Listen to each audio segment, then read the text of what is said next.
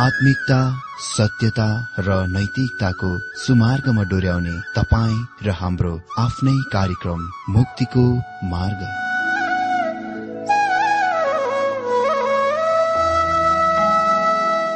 आदरणीय श्रोता यस मुक्तिको मार्ग कार्यक्रममा हार्दिक स्वागत छ।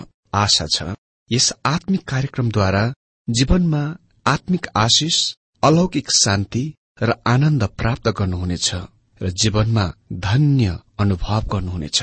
आउनुहोस् श्रोता मन र आत्माको तयारीको लागि यो मिठो अनि मधुर भजन गीत सुनौ।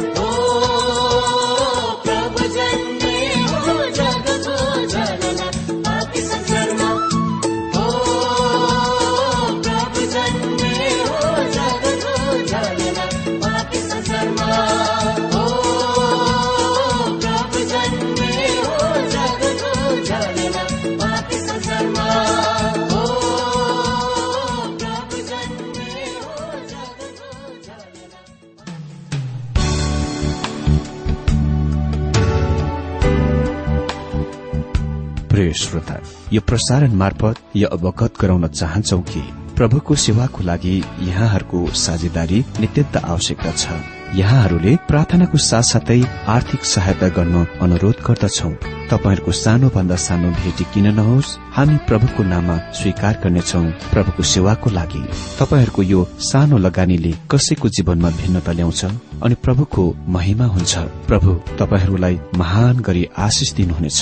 इच्छुक श्रोताहरूले तपाईँको इच्छा भेटी हाम्रो ठेगानामा पठाउन सक्नुहुन्छ जुन ठेगाना हामी कार्यक्रमको अन्तमा दिनेछौं।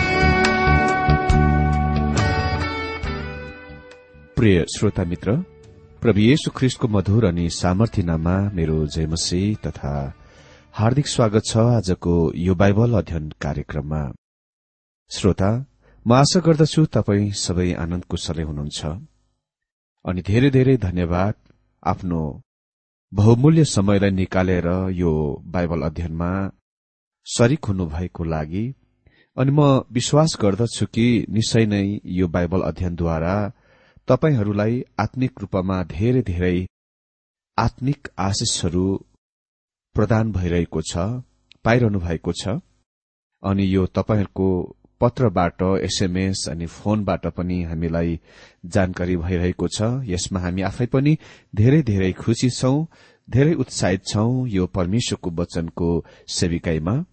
अनि यही नै हाम्रो आशा अनि हाम्रो चाहना छ कि यसरी नै परमेश्वरको वचनले धेरै आत्माहरूलाई आशिषित तुल्याउन सकोस् सुदृढ तुल्याउन सकोस् मजबुत तुल्याउन सकोस् र यो क्रिस्चियन जीवनको यात्रामा एक सफल एउटा साक्षीको विश्वासीको जीवन यापन गर्न सकेको होस्। यही नै हाम्रो प्रार्थना अनि हाम्रो कामना छ। हुन्छ श्रोता अब हामी आफ्नो बाइबल अध्ययनतिर लागौं र पवित्र धर्मशास्त्र बाइबलको क्रमबद्ध अनि श्रृंखलाबद्ध अध्ययनको क्रममा यी दिनहरूमा हामी पुरानो नियमको बाइबलको पुरानो नियमको हबकुकका पुस्तकबाट अध्ययन गरिरहेका छौं। मित्र अघिल्लो दिनमा हामीले जकरिया एक अध्याय सातदेखि सत्र पदबाट जकरियाको दश दर्शनहरूमध्ये पहिलो दर्शन अर्थात मेहदीको रुखमुनि घोडसवारको दर्शन देखिरहेका थियौं अध्ययन गरिरहेका थियौं। आज हामी जकरिया एक अध्यय अठारदेखि एक्काइस पदमा सबभन्दा पहिले चार सिंहहरूका दर्शन देख्नेछौ त्यसपछि चार कालीगणहरूका दर्शन देख्नेछौ। त सर्वप्रथममा यहाँ देख्नेछौ चार सिंहहरूका दर्शन। अहिले यो जकरियालाई दिएको दोस्रो दर्शन हो। जकरिया एक अध्यय अठार र उन्नाइस पदमा यस प्रकार लेखिएको छ तब मैले माथि हेरे र हेर चारवटा सिंह त्यहाँ मेरो सामुनि थिए। उन्नाइस पद। मसित बात गरिरहने ती स्वर्गीय दूतहरूलाई मैले सोधे यी के हुन्? तिनले मलाई जवाब दिए यी तीनै सिंहहरू हुन् जसले यहुदा इसरायल र यरुसलेमलाई तितर बितर पारे। मित्र म विचार गर्दछु कि चार सिंहहरूको दर्शन एक वा एउटै दर्शन हो अनि चार कालीगणहरूका दर्शन अर्को दर्शन हो। धेरै टिप्पणीकारहरूले टीकाकारहरूले बाइबल विद्वान शिक्षकहरूले तिनीहरूलाई मेल गर्दछन् संयुक्त गर्दछन् र तिनीहरूलाई एउटा एक दर्शनको रूपमा विचार गर्दछन्। तर म तिनीहरूलाई त्यस तरिकामा देख्दिन र त्यस तरिकामा अर्थ दिँदिन व्याख्या गर्दिन। जकरियाले चार सिंहहरू देख्छन् र यी चार सिंहहरूले यरुसलेम यहुदा र इसरायलमा तितर बितर छरेका छन्।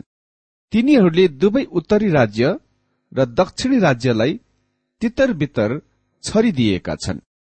सिंहले चाहिँ अन्य जाति शासक प्रतिनिधित्व गर्दछ।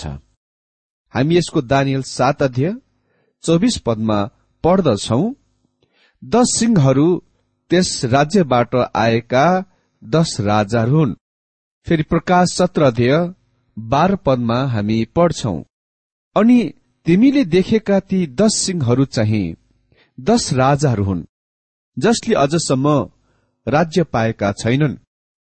तर त्यस पशुको साथमा एक घण्टाका लागि राजाहरू जस्तै अधिकार पाउँछन्।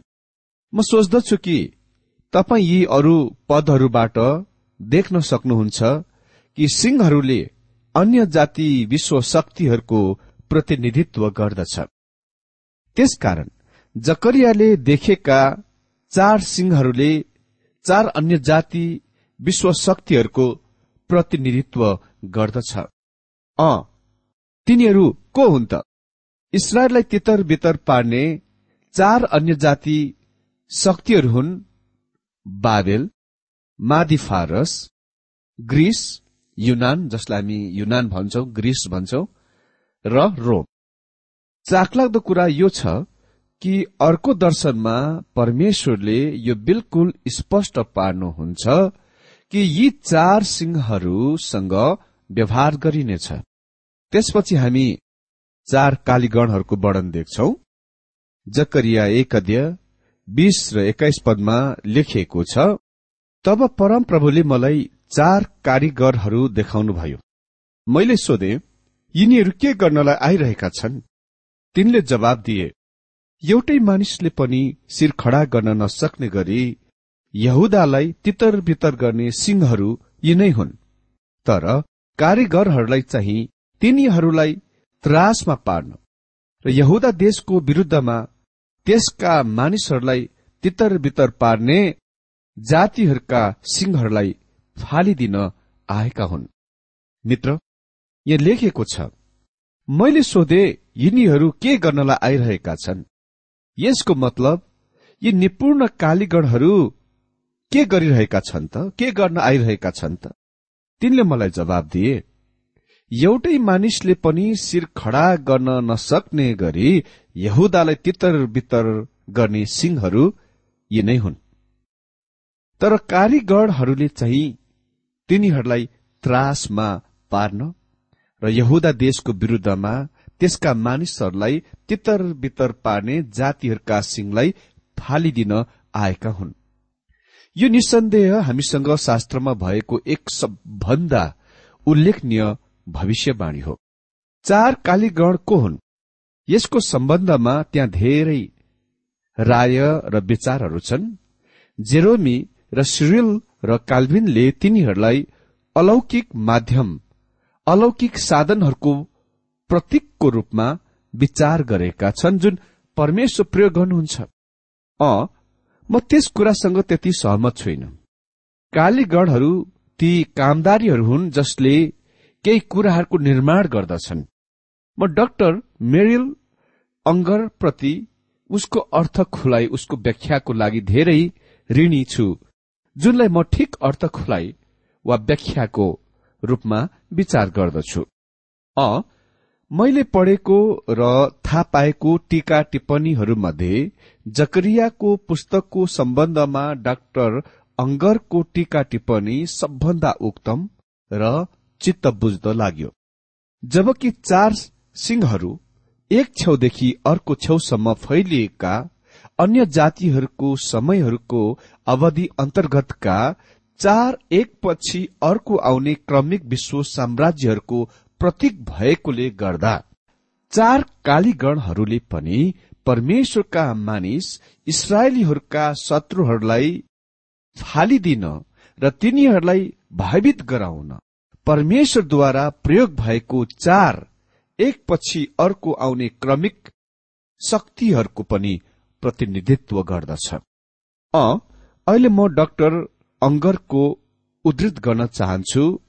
दानियल दुई अध्यय एकतिसदेखि पैतालिस पद अनि सात अध्यय दुईदेखि तेह्र पद अनुसार दानियलका महान भविष्यवाणीहरूसँगको लाइनमा तीन सिंहहरू परमेश्वरको दण्ड दिने हातमुनि र परिणाम स्वरूप कालीगणहरू बन्दछन्। जबकि चौथो र अन्तिम सिंह चाहिँ ख्रिस्टको दोस्रो पल्ट वापिस फर्की आउने कुराद्वारा स्थापित गरिएको विश्वव्यापी राज्यद्वारा फालिएको छ पतन गरिएको छ। यसै समयमा उहाँले भजन संग्रह दुई अध्यय एकदेखि बाह्र पद अनुसार आफ्ना शत्रुहरूलाई र आफ्ना जनहरूका आफ्ना मानिसहरूका शत्रुहरूलाई टुक्रा टुक्रा पार्नुहुन्छ। यसरी पहिलो सिंह बाबेललाई दोस्रो सिंह मादी फारसद्वारा फालिएको छ। सही प्रकारले दोस्रो सिंह मादी फारस परिणाम स्वरूप उही तरिकामा पहिलो कालीगणद्वारा फालिनेछ।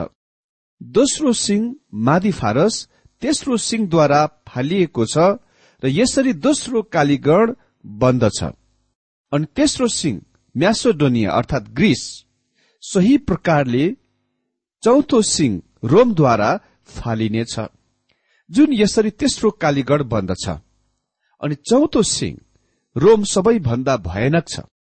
कालीगढ चाहिँ बन्दैन तर अन्तिम दिनहरूमा त्यसको पुनस्थापित पुनर्जीवित दश राज्यको रूपमा चौथो कालीगढद्वारा नष्ट गरिन्दछ जुन प्रकाश उन्नाइस अध्यय सोह्र पद अनुसार प्रभुहरूका पनि प्रभु र राजाहरूका पनि राजाको आगमनद्वारा स्थापित हजार वर्षीय राज्य हो त्यसद्वारा नष्ट गरिन्दछ। जब उहाँ आउनुहुनेछ चाखलाग्दो कुरा यो छ कि यदि तपाईँ रोमको इतिहास पढ्नुहुन्छ भने तपाईँले देख्नुहुनेछ कि रोमलाई बाह्य शक्तिद्वारा नष्ट गरिएको थिएन। वास्तवमा भविष्यवाणी अनुसार रोमी साम्राज्य फेरि एकट्ठामा स्थापित भएर आउनेछ। एकसाथ सँगसँगै आउनेछ। यो कहिले पनि मरेन। यो राज्यको आन्तरिक भ्रष्टताको कारणले आपसे आप विभक्त भयो। बस त्यहाँ एकजना जो आइरहेको छ जो ख्रिस विरोधी हो जसले रोमी साम्राज्यलाई पुनस्थापन गर्नेछ त्यो विश्व शासक बन्नेछ। कसले चाहिँ उसलाई फ्याँक्नेछ त? ख्रिस्ट विरोधीलाई कसले ख्रिस्ट विरोधीलाई पतन गरिदिनेछ त? भन्दा ख्रिस्टले उसलाई पतन गराउनुहुनेछ जब उहाँ पृथ्वीमा फर्केर आउनुहुनेछ। त्यसकारण ख्रिस्टलाई चौथो कालीगणको रूपमा प्रतिनिधित्व गरिएको छ। उहाँ नै एक हुनुहुन्छ जसले रोमी साम्राज्यलाई फ्याँक्नुहुनेछ पतन गराउनेछ जब उहाँ माघले सबदीको अन्तमा आउनुहुनेछ। मेरो मित्र म आशा गर्दछु कि यसले तपाईँलाई ती कुराहरू हेर्नलाई सहायता गर्नेछ कि सम्पूर्ण परमेश्वरको अध्ययन गर्न कति धेरै महत्वपूर्ण छ। किनभने शास्त्रको कुनै पनि भविष्यवाणी। व्यक्तिगत व्याख्या वा अर्थ खुलाइको होइन त्यसरी आएको होइन। यसको मतलब त्यसको त्यसरी नै अर्थ खुलाउन वा व्याख्या गर्नु हुँदैन। यो परमेश्वरको महान कार्यक्रममा योजनामा फिट हुनै पर्छ जुन निरन्तर अगाडि अनन्ततातिर पुग्दछ। यो चाखलाग्दो कुरा छ कि जब प्रभु येशु ख्रिष्ट पहिलोपल्ट पृथ्वीमा आउनुभयो। उहाँसँग नासरतको कालीगढीको उपाधि थियो। अनि उहाँ कुनै दिन फेरि कालीगढको रूपमा यो विश्व तानासा शासकलाई फ्याँक्न र यरुसलेमलाई चाहिँ त्यसको केन्द्र बनाउनु भएर यो पृथ्वीमा आफ्नो राज्यको स्थापन गर्न आइरहनु भएको छ। मित्र हामीले यो जकरिया यो अध्यय खण्डलाई छोड्न भन्दा पहिले म तपाईँको ध्यान आकर्षणको यस तथ्यतिर खिच्न चाहन्छु कि प्रत्येक दश दर्शनको प्रत्येक दर्शनमा यी सत्यताहरूमा महान विशिष्टता वा प्रमुखता दिएका छन्। पहिलो परमेश्वर इसरायललाई र इसरायलसँग व्यवहार गर्ने कुराको पूर्ण रूपमा त्यागिसक्नु भएको छैन। उहाँसँग तिनीहरूको लागि भावी महान योजना छ। दोस्रो जब परमेश्वर भन्नुहुन्छ इसरायल यहुदा र यरुसलेम उहाँको मतलब बिल्कुल ठिक भौगोलिक ती स्थानहरू नै हुन्। आधुनिक झुट्टा शिक्षाले सिकाउँछन् कि ग्रेट ब्रिटेन र अमेरिका चाहिँ हराएका दश कुलहरू हुन्। इसरायलका हराएका दश कुलहरू हुन्। यो बिल्कुल गलत हो। मित्र कुनै राष्ट्र वा कुनै व्यक्तिलाई परमेश्वरले चुन्ने तरिका वा बाटो चाहिँ ख्रिस्टमा हो। यसले कुनै भिन्नता बनाउँदैन कि तपाईँ को हुनुहुन्छ कुन वर्णको कुन राष्ट्रको कुन जातिको वा कुन धर्मको। यसले कुनै फरक बनाउँदैन।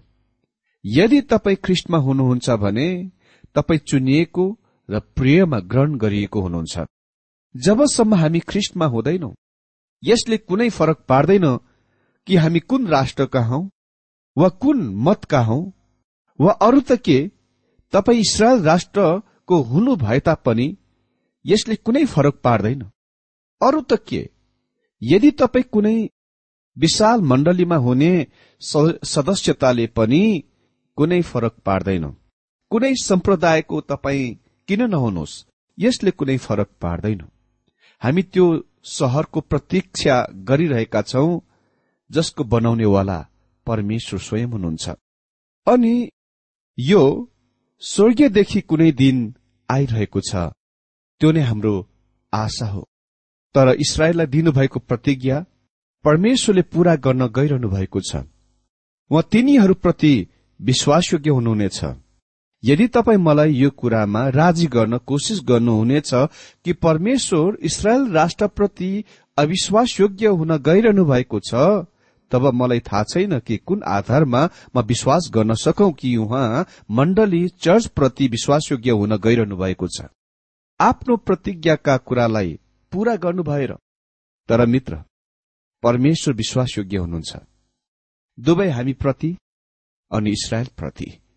परमेश्वरले आजको यो बाइबल अध्ययनद्वारा हरेकलाई धेरै धेरै आशिष दिनुभएको होस्।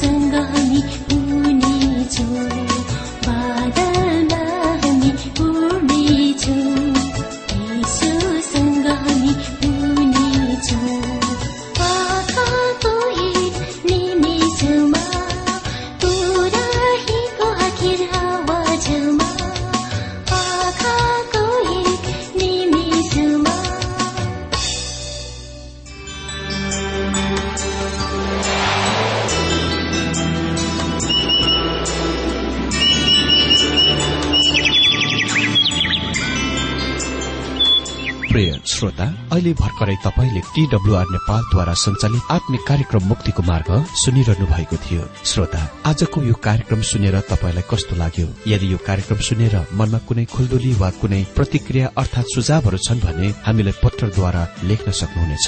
हामी हृदयदेखि नै स्वागत गर्नेछौ स्वीकार गर्नेछौ साथै बाइबल सम्बन्धित प्रचारहरू कार्यक्रम सारणीहरू हामी अनुरोधमा पठाउन सक्छौ। अनि तपाईँसँग कुनै प्रार्थनाको विषय छन् भने हामीले तपाईँको लागि प्रार्थना गरेको चाहनुहुन्छ भने प्रभुमा आफ्नै परिवार सम्झेर हामीलाई पत्रमा लेख्न सक्नुहुनेछ। तपाईँको लागि हामी प्रभु येशुसँग प्रार्थना गर्नेछौ। अधिक जानकारी र पत्रचारको लागि हाम्रो ठेगाना यस प्रकार छ। कार्यक्रम मुक्तिको मार्ग जीपीओ नम्बर उनानब्बे पचहत्तर एपीसी पच्चिस एकसठी काठमाडौँ। ठेगाना एकपल्ट सुन्नुहोला। कार्यक्रम मुक्तिको मार्ग जीपीओ नम्बर उनानब्बे पचहत्तर एपीसी पच्चिस एकसठी काठमाडौँ। हाम्रो इमेल एड्रेस हो TWR Nepal at Yahoo dot com साथै यस नम्बरमा एसएमएस गर्न सक्नुहुनेछ। अन्ठानब्बे चार सत्तरी पैतिस छ सय उनासी नौ आठ चार सात जिरो तीन पाँच छ सात नौ। हुन्छ श्रोता आजलाई हामी विदा चाहन्छौ। अर्को कार्यक्रममा हामी पुनः भेट्नेछौ तबसम्मलाई नमस्कार।